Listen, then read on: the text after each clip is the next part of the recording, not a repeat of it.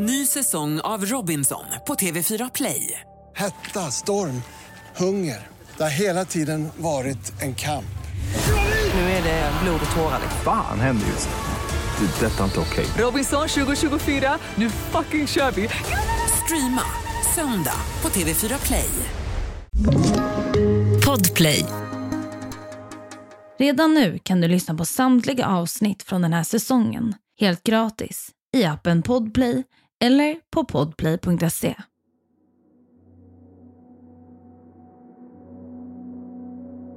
Till den som detta kan tänkas beröra. Först av allt måste alla förstå att jag inte har något med Nicoles mord att göra. Jag älskar henne. Det har jag alltid gjort och det kommer jag alltid att göra. Om vi hade några problem var det faktumet att jag älskade henne så mycket.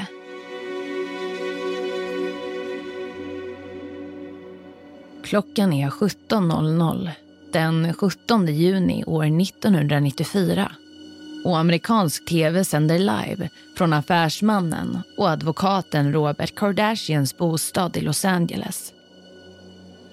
Han läser upp ett brev som hans vän och klient O.J. Simpson har skrivit till allmänheten tidigare på dagen innan han, vad det verkar, har bestämt sig för att ge sig av för gott. O.J. Simpson, som nu är på flykt, är gripen i sin frånvaro misstänkt för mordet på sin exfru Nicole Simpson samt hennes vän Ron Goldman som båda fyra dagar tidigare hittats brutalt mördade utanför Nicoles hem.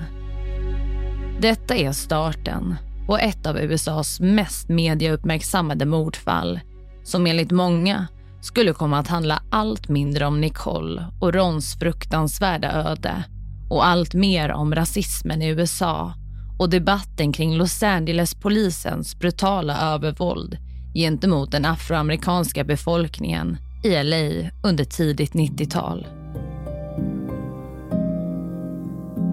Du lyssnar på Jakten på mördaren med mig, Saga Springhorn. Jag vill varna för grovt innehåll i dagens poddavsnitt.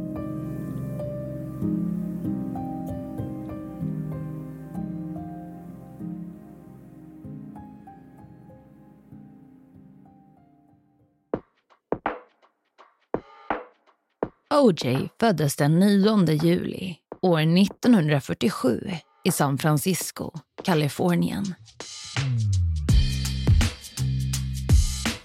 När OJ var fem år gammal separerade hans föräldrar. Pappan flyttade ut och hans mamma blev ensam kvar med att uppfostra OJ och hans tre syskon.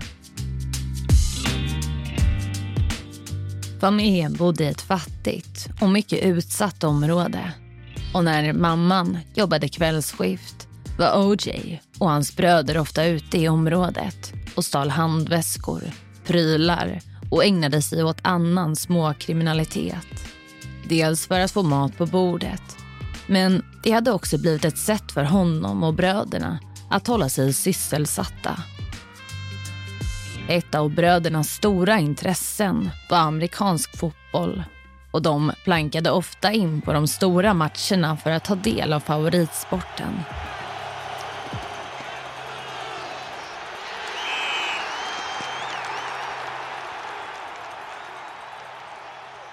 OG, som själv spelade mycket fotboll på fritiden och i skolan, visade sig ha en mycket stor talang för detta och han blev tidigt uppmärksammad för sin snabbhet och skicklighet på plan. Snart hade ryktet spridit sig om den långe, snabbe och bollsäkra unge mannen. Och OG såg plötsligt möjligheten till ett annat liv framför sig och en möjlig framtida karriär.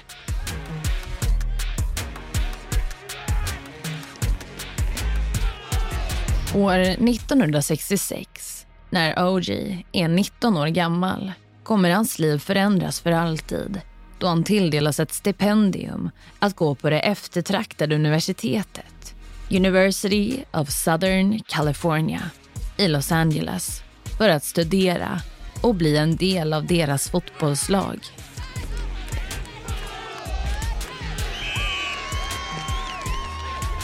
På universitetet ses OG som en levande legend och när han börjar på skolan känner de flesta redan till honom och hans talang. Och många vill komma fram och hälsa och prata med den nya eleven. OG ser en chans att starta om på nytt, skapa ett annat typ av liv.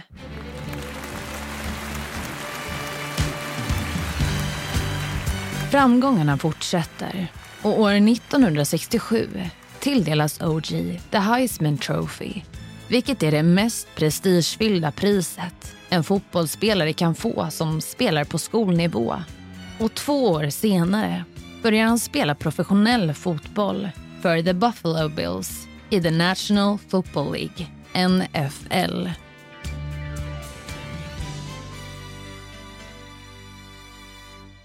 När OG börjar studera på USC som 20-åring är han redan gift med sin ungdomskärlek, Margaret Whitley. Hon flyttar med honom till Los Angeles där paret startar ett familjeliv tillsammans parallellt med OGs framgångar.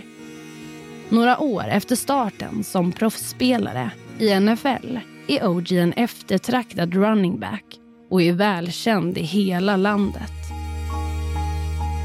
År 1977 är OG 30 år gammal och fortfarande gift med Margaret som bär på parets andra barn. Hon sköter det mesta i hemmet och vänner till henne beskriver det som att Margaret lever som en ensamstående mamma medan OG är ute och roar sig med andra kvinnor samt umgås med sina framgångsrika och kända vänner. En dag äter OG lunch med kamrater på den privata, exklusiva och kändistäta klubben The Daisy när han plötsligt får syn på en servitris som kommer fram till deras bord. Hon är blond, lite blyg och slående vacker. När hon har tagit sällskapets beställning och lämnar bordet tittar OG på sina vänner och säger jag ska gifta mig med den där tjejen. Den blonda servitrisen är den 18-åriga Nicole Brown. Hon föddes i Frankfurt, Tyskland den 19 maj år 1959. Nicoles föräldrar flyttade sen under hennes småbarnsår tillbaka till pappans hemland USA och familjen bosatte sig i Garden Grove, Kalifornien där Nicole växte upp tillsammans med sina tre yngre systrar. Hon beskrivs som en konstnärlig själ med ett stort intresse för fotografi och sägs ha varit tyst och blyg men väldigt beslutsam och handlingskraftig. Hon har nu, som 18-åring, blivit uppmärksammad av den folkkäre, 12 år äldre fotbollslegenden O.J. Simpson. Han börjar uppvakta Nicole på jobbet och trots att han redan är gift bjuder han snart ut henne på dejt och Nicole faller pladask. Hon berättar för sina vänner att OG har erbjudit sig att köpa en bil åt henne och ska se till att hon får sin egen lägenhet. Vännerna, som dessutom känner till att OG redan är gift, tycker att allt går väldigt fort och försöker varna Nicole för att inte rusa in i något för snabbt. Men det är för sent. Hon och OG är hejdlöst förälskade och inleder ett passionerat och kärleksfullt förhållande. Två år senare är Nicole och OG fortfarande ett par. Och OG skiljer sig till slut från Margaret för att kunna leva ihop med den nya kärleken. Under den här perioden avslutar även OG sin fotbollskarriär för att jobba med sin nya passion, skådespeleri. Det kommer inte dröja länge förrän OG, med alla sina kontakter i Hollywood, även blir en känd skådespelare och medieprofil. Hans mest kända roll är rollen som karaktären Nordberg i filmserien Nakna pistolen. År 1985 gifter sig OG och Nicole och senare samma år får det nygifta paret dottern Sydney för att efter ytterligare tre år välkomna sonen Justin till familjen. Familjen Simpson lever ett liv utan ekonomiska bekymmer i en stor, pampig villa i det fina och kändistäta området Brentwood i Kalifornien.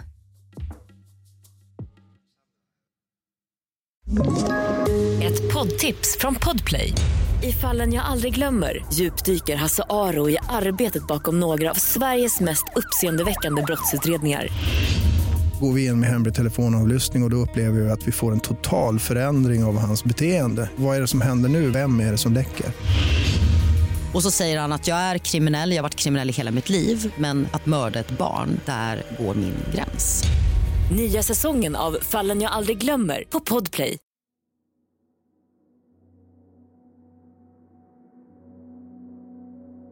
Till en början är Nicoles och OGs relation full av kärlek och omtanke. Men åren går och Nicole upptäcker nya sidor hos sin make. Han är kontrollerande och vill hela tiden veta vad Nicole gör och var hon befinner sig på dagarna. Hon förstår också att OG har börjat vara otrogen mot henne och att han har flera affärer vid sidan av äktenskapet. Paret ryker ofta ihop och har högljudda bråk i villan. Och snart blir bråken våldsamma. Flera gånger ringer Nicole till larmcentralen för att rapportera om pågående misshandel i hemmet. Och allt oftare får polisen rycka ut för att stoppa de våldsamma bråken. Ofta slutar det med att Nicole tar tillbaka sina anmälningar gentemot OG och förlåter honom. Men vid ett tillfälle, när Nicole återigen är svårt misshandlad av maken, arresteras han och döms för misshandel. Dock inte till fängelse, utan till samhällstjänst.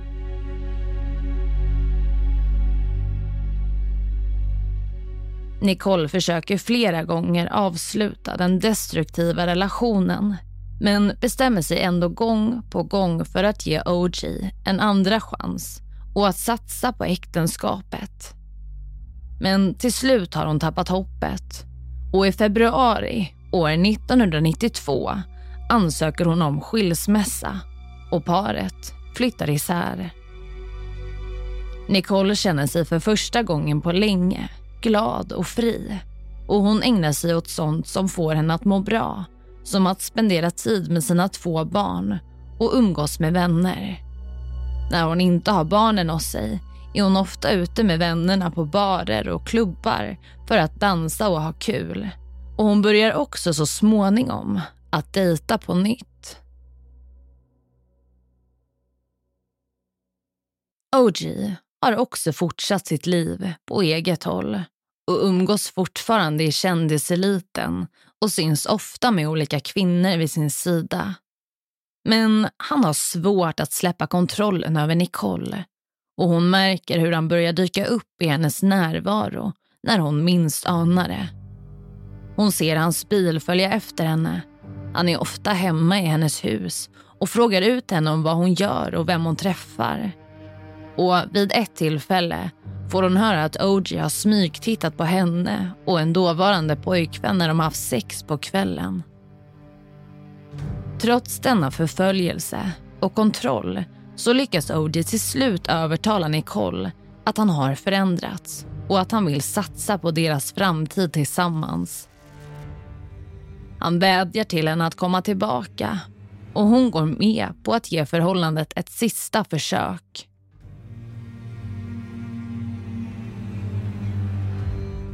Hon förklarar för vänner och familj att han har lovat att bättra sig och hon tror att det är bäst för barnen att deras föräldrar håller ihop och att de kan leva som en familj igen. Familjelyckan blir dock kortvarig. Våldet eskalerar snabbt och efter ytterligare psykisk och fysisk misshandel bryter Nicole förhållandet igen och menar att det nu är slut för gott.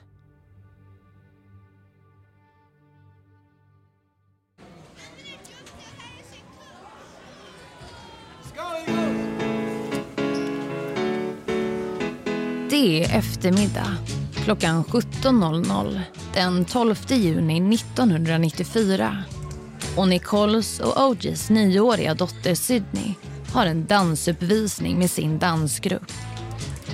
Både Nicole och OG är där för att titta på den gemensamma dottern. Men numera som ett separerat par.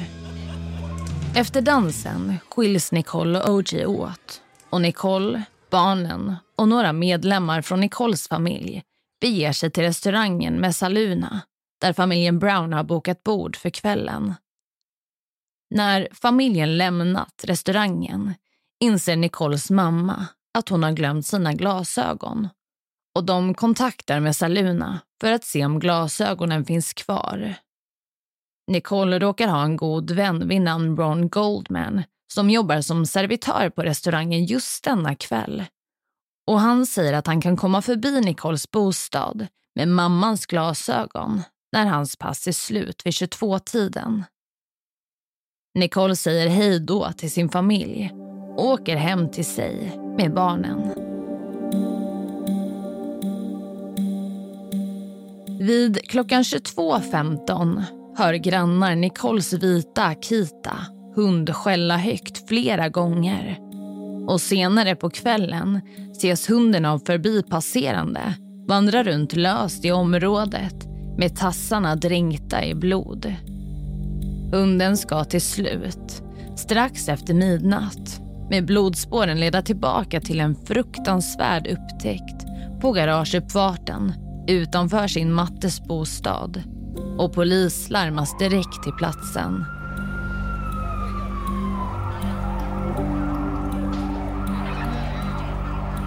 Polisen finner den 34-åriga Nicole Brown Simpson och den 25-åriga Ron Goldman brutalt mördade i en pöl av blod. De verkar ha bragts om livet till följd av ett flertal hugg från något som ser ut som ett äggvast föremål, förmodligen en kniv. På platsen kan man även se skoavtryck i blodet som leder från brottsplatsen. Och bredvid fotspåren bloddroppar som skulle kunna komma från gärningsmannen. På marken finner polisen också ett kuvert, även detta täckt av blod, innehållande Judida Browns glasögon.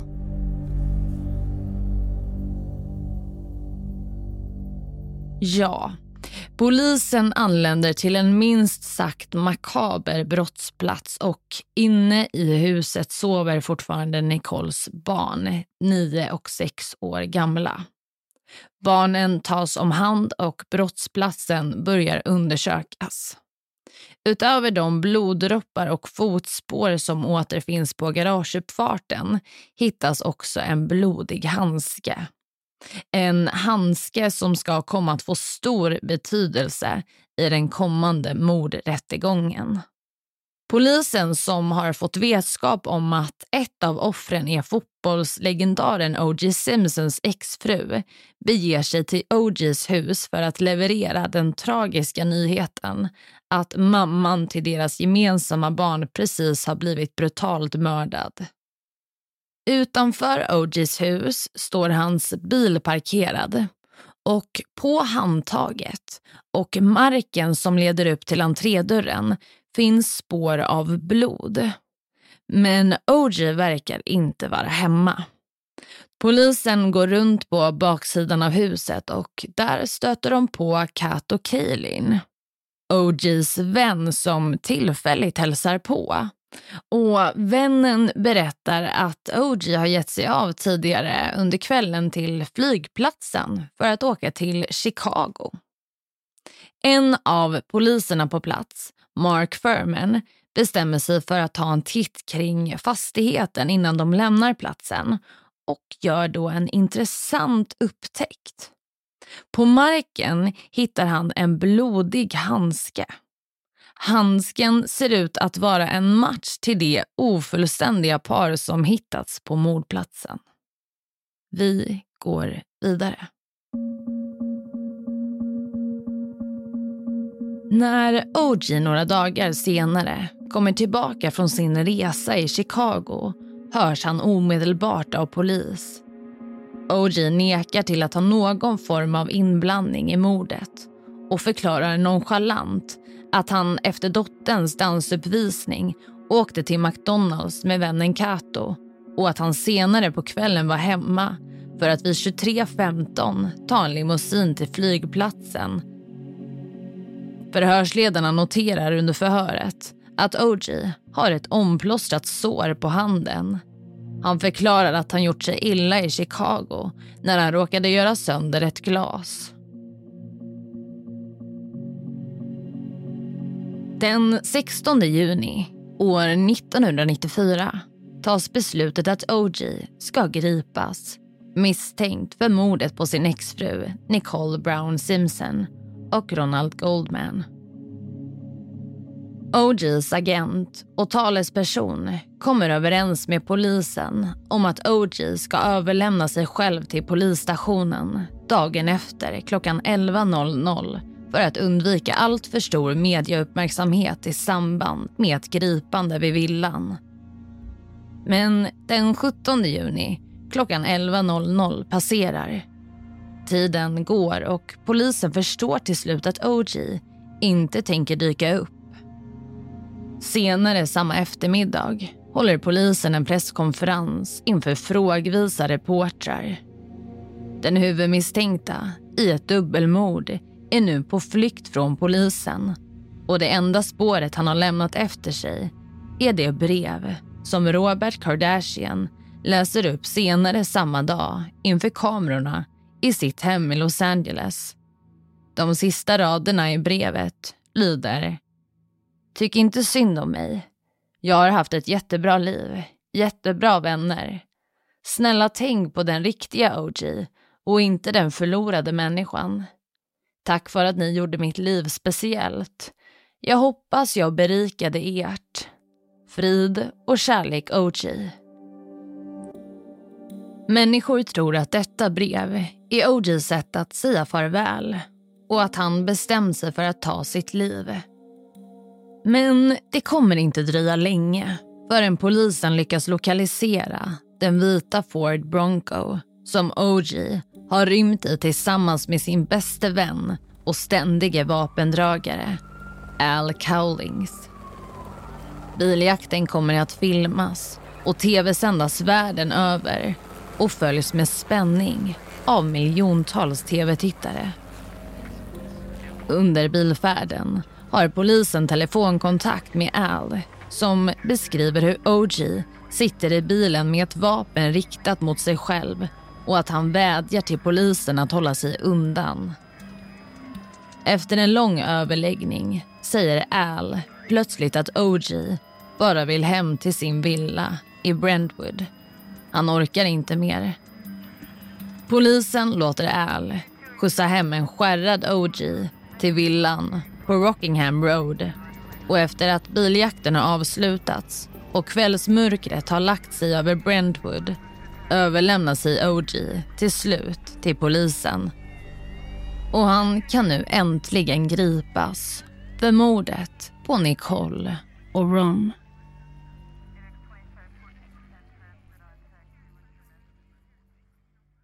Ja, nu är OG alltså till slut gripen för morden den 12 juni. Mediaintresset inför rättegången är gigantiskt och världen över kan man läsa om den mordåtalade fotbollsstjärnan och skådespelaren OG.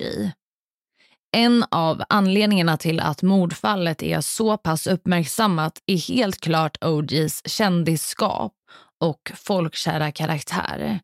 Men det är också något annat. Något större som engagerar amerikanerna. En afroamerikansk man, OG, står åtalad inför vad många anser är ett rättssamhälle som jobbar till fördel för de vita medborgarna i samhället och som representerar en historia av förtryck och rasism gentemot den afroamerikanska befolkningen i USA. Så inför rättegången delas landet i två läger. De som tror att OG är skyldig och de som tror att han har blivit falskt anklagad för morden. Utöver den rasism och bristande ekonomiska jämlikhet som råder i landet pågår dessutom under den här tiden en het debatt i Los Angeles omkring det övervåld som polisen anses bruka gentemot den afroamerikanska befolkningen. Många afroamerikaner uttrycker hur de snarare känner sig utsatta och trakasserade av polisen istället för att eh, känna trygghet och beskydd.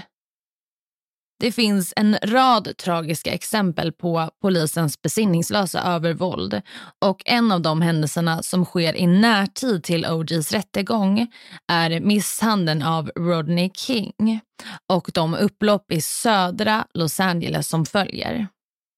De fyra polismän som stod åtalade för misshandeln av Rodney King friades och det är ytterligare en anledning till det enorma politiska engagemanget i OGs rättegång. För att ni ska få mer insyn i det här ska vi lite snabbt sammanfatta vad som hände i början av 90-talet i Los Angeles.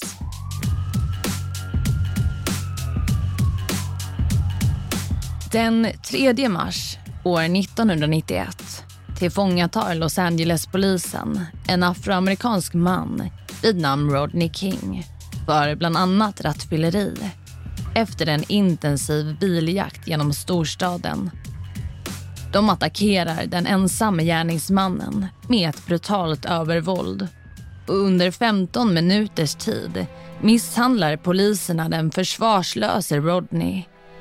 Misshandeln filmas av förbipasserande och filmen på den afroamerikanske mannen som misshandlas svårt av vita polismän sprids som en löpeld. Filmerna skapar en enorm ilska, engagerar och skapar debatt inte bara i Los Angeles utan världen över kring förtrycket och rasismen som råder. Omkring ett år senare åtalas fyra polismän för misshandeln och trots de filmade bevis som finns och de tydliga skador som Rodney King åsamkats, skallfrakturer, benbrott och sönderslagna tänder samt permanenta skador på hjärnan, så friges de fyra männen.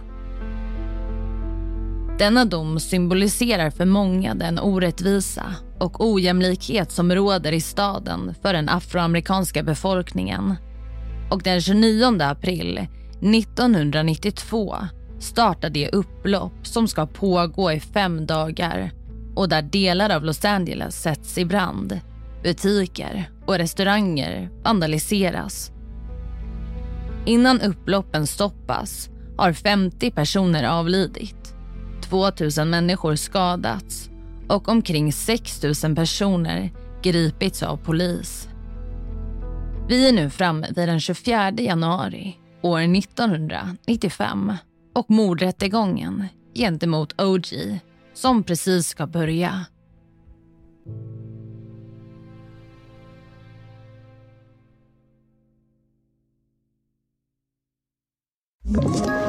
Ett poddtips från Podplay. I fallen jag aldrig glömmer djupdyker Hasse Aro i arbetet bakom några av Sveriges mest uppseendeväckande brottsutredningar går vi in med hemlig telefonavlyssning och, och då upplever vi att vi får en total förändring av hans beteende. Vad är det som händer nu? Vem är det som läcker? Och så säger han att jag är kriminell, jag har varit kriminell i hela mitt liv men att mörda ett barn, där går min gräns. Nya säsongen av Fallen jag aldrig glömmer på Podplay. Utanför rättssalen har folk samlats för att visa sitt stöd. Vissa för åklagarsidan andra för OG och försvaret. Och det vimlar av reportrar, ivriga åskådare och kameror. Även inne i rättssalen sitter kameror riggade då det har tagits beslut om att rättegången ska filmas och visas offentligt på tv. Under rättegången hörs bland annat Nicoles syster Denise hon berättar om den misshandel som Nicole utsattes för genom åren av OG. Hon har dels bevittnat hur OG har skrikit och tryckt upp Nicole mot väggen hemma i deras gemensamma hus. Men hon har också fått höra systern berätta om alla år av misshandel. Under rättegången presenteras även Nicoles dagboksanteckningar som vittnar om att OG redan år 1978, ett år efter att de träffats, hade misshandlat Nicole svårt på ett hotellrum. Andra händelser som beskrivs i dagboken är hur OG slår sönder Nicoles bil med ett baseballträ en kväll efter att hon kommit hem senare än paret hade avtalat. Och en annan incident beskriver hur OG kastat ut Nicole från huset när hon var två månader gravid med deras son. Han ska då ha kallat henne fet och hotade med att ta fram sitt vapen om hon kom tillbaka. Det finns en stor mängd försvårande bevisföring gentemot OG som pekar mot att han är den skyldige för morden. Utöver den mängd larmsamtal och utryckningar som polisen gjort under pågående misshandel i hemmet, historier från vänner och familj och Nicoles egna dagboksanteckningar finns det även bilder som Nicole sparat på sig själv i ett privat bankfack. Bilderna visar en svårt misshandlad Nicole med rivsår och blåmärken. Man tror att brottet har begåtts någon gång mellan 22 och 23-tiden och OG har inget alibi för mordtillfället. Hans hus ligger dessutom tillräckligt nära Nicoles hem för att ha hunnit köra dit i sin bil, dödat Nicole och Ron och sen köra hem till huset för att parkera och sedan ta en taxi till flygplatsen. Polisen har även hittat blodspår både på utsidan och insidan av OGs bil. Blod som senare kommer visa sig tillhöra Nicole Brown, Ron Goldman och OG själv. Handsken som hittas utanför OGs hus och som matchar den handske som polisen hittade på brottsplatsen har även DNA-spår från de båda mordoffren.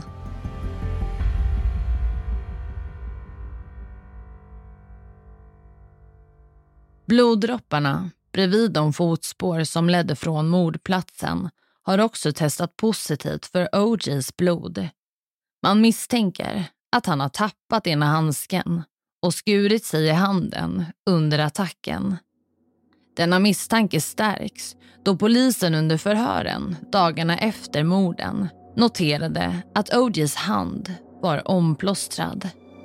Dessutom kan ett vittne berätta under rättegången att han har hört OG ge tre helt olika förklaringar kring vad som hade hänt med handen och han tror att OG ljuger.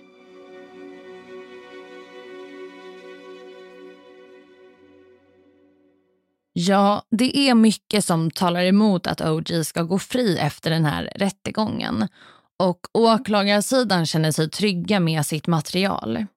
Utöver all den bevisning som nu presenterats kan utredarna också visa att OG har ägt ett par skor som enligt märke och storlek är en perfekt match till de fotspår i blod som hittats på mordplatsen.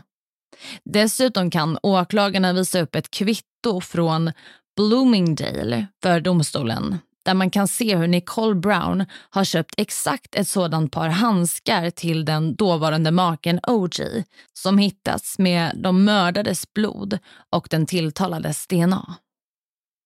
Men när det nu är dags för försvaret att ta till orda så sjunker hoppet plötsligt för Marcia Clark och Chris Darden som tillhör åklagarsidan.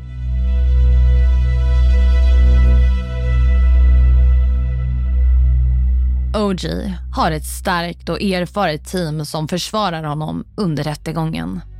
De har i media beskrivits som “the dream team” och sägs ha kostat OG omkring 50 000 dollar om dagen. Teamet består av hela åtta försvarsadvokater och bland dessa står vännen Robert Kardashian och stjärnadvokaten Johnny Cochran som är känd för att försvara främst afroamerikanska klienter. Han har innan rättegången med OG agerat försvarsadvokat i flera kända fall som hanterat polisbrutalitet och övervåld gentemot afroamerikaner.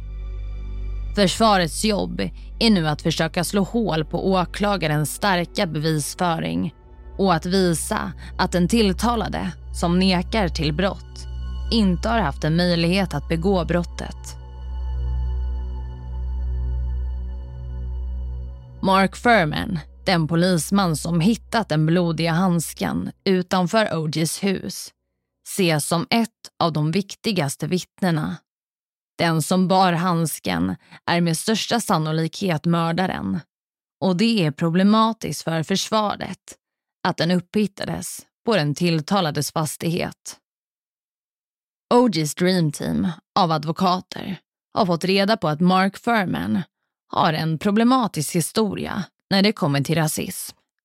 De kan med inspelat ljudmaterial och vittnesmål presentera en Mark Furman som flera gånger har uttryckt sig rasistiskt, fritt och obrytt använt sig av n-ordet och dessutom pratat om vilken makt polisen har i förhållande till plantering och förfalskning av bevis.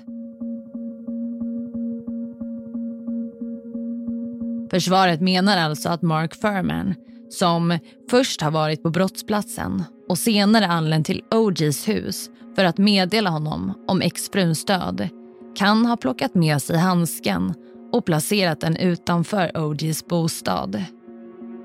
Mark ska även ha berättat att handsken fortfarande var blöt av blod när den hittades och att han fick syn på den för att den glänste på grund av dess fuktiga yta. Detta menar försvaret också är ett incitament på att handsken inte kan ha legat där så länge utan kanske har kommit från en påse eller liknande då blodet ännu inte hade koagulerat vilket de anser att det borde ha gjort efter så många timmar. Försvarsadvokaterna kommer också kunna visa att det har slarvats en hel del med bevismaterial från mordplatsen och med hantering av det blod som skickats in för DNA-analys. Till exempel har ett flertal olika bevismaterial hanterats utan att emellan föremålen byta handskar vilket skulle kunna kontaminera bevisen.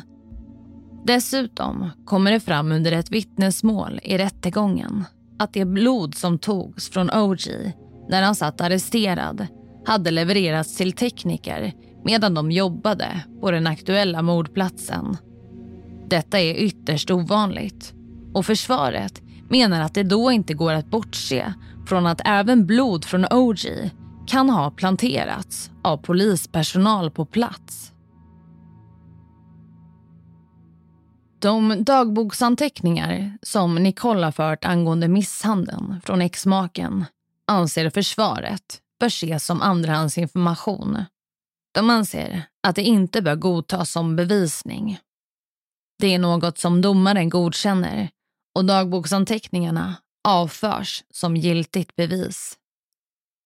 Utöver detta så är det här med DNA-testning något som är relativt nytt i början av 90-talet. Under den här rättegången, och även om juryn behöver väga in all bevisning som läggs fram i rättegången i sin slutgiltiga dom, har det diskuterats i efterhand om de verkligen förstod vikten av ett positivt DNA-test. Försvaret har nu en helt annan spelplan framför sig och den rättegång som till en början verkade ha ett givet slut med en fällande dom är nu inte lika självklar längre. Men åklagarsidan har ett S till i rockärmen som man nu presenterar för domstolen. Den blodiga handsken. De har ett kvitto. De har DNA. Och kan de nu också visa att handsken passar OGs hand bör det inte finnas några frågor kring vem ägaren är. Domaren godkänner att OG ska prova handsken inför juryn och hela rättssalen håller andan. Men handsken är för trång. OG ställer sig upp och visar demonstrativt hur han försöker dra på handsken ytterligare. Men den ser helt enkelt för liten ut. Åklagarsidans sista S har nu istället blivit till ytterligare en fördel för försvaret.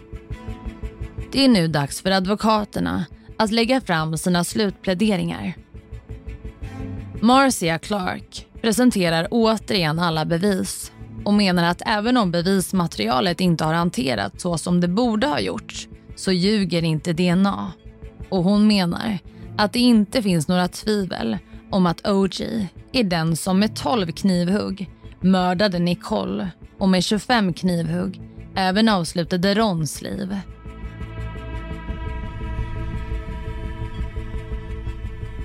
Johnny Cochran pratar istället om Mark Furman och om hur hans vittnesmål ej bör ses som tillförlitligt och nämner den övriga bristande hanteringen av bevisen. Han pratar om rasism, om hur juryn inte borde förbise möjligheten att rättssystemet än en gång har svikit dess afroamerikanska medborgare och förmodligen har planterat bevisen gentemot OG i ett försök att fängsla ännu en svart man. Han avslutar med att nämna handsken som inte passar och fäller den omtalade repliken. Om den inte passar måste ni frige. Rättegången som har pågått i åtta månaders tid har nu avslutats och det tar endast juryn tre timmar att överlägga. Något som i efterhand har kritiserats kraftigt då bevismaterialet från rättegången var massivt och omöjligt kan ha hunnit gås igenom under denna korta tid. Trots kritiken meddelas domen den 3 oktober 1995. O.J. Simpson anses vara icke skyldig till mord och sätts på fri fot. För familjen Brown och Goldman är den friande domen en stor sorg och världen över uttrycker människor antingen sin ilska eller glädje kring den friande domen. Vissa anser att det är ett svek från rättssystemet och att allt pekar på att OG är mördaren. Medan andra menar att OG är helt oskyldig och att detta bör ses som en vinst för Los Angeles och övriga USAs afroamerikanska medborgare. Ett år efter domen stämmer familjen Brown och Goldman, OG Simpson, i en så kallad civil rättegång. Där ska det avgöras om han bör ses som ansvarig för Nicole och Rons död eller inte. Denna gång anser domstolen att O.J. är den skyldige. Men i en civil rättegång döms den tilltalade inte till fängelse utan till böter eller liknande straff. OG blir enligt denna dom skyldig familjerna en summa på totalt 33,5 miljoner dollar. OG kommer aldrig dömas till fängelse för mordet på Nicole och Ron. Men år 2007 får han problem med rättssystemet igen då han grips misstänkt för stöld och kidnappning. Det visar sig nämligen att den då 60-årige OG tillsammans med andra beväpnade män stulit sportklenoder till salu från hans egna fotbollskarriär. Detta med motivet att det var grejer som en gång tillhört honom och att han nu ansåg sig rätten att ta tillbaka dessa. I oktober år 2008 döms han till 33 års fängelse för stöld och kidnappning. Ett högt straff som i efterhand har påståtts vara rättssystemets sätt att fängsla OG även för morden på Ron och Nicole.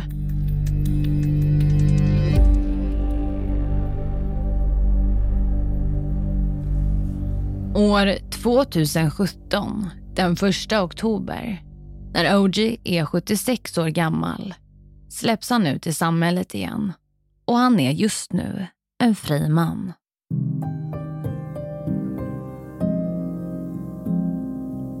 Du har lyssnat på fallet med O.J. Simpson. En produktion av Podplay. Klippare och ljudläggare är Mats Liljenberg. Manusförfattare för dagens avsnitt var Tove Wahlne. Ansvarig utgivare Henrik Funke. Och mitt namn är Saga Springhorn. Tack för att du har lyssnat.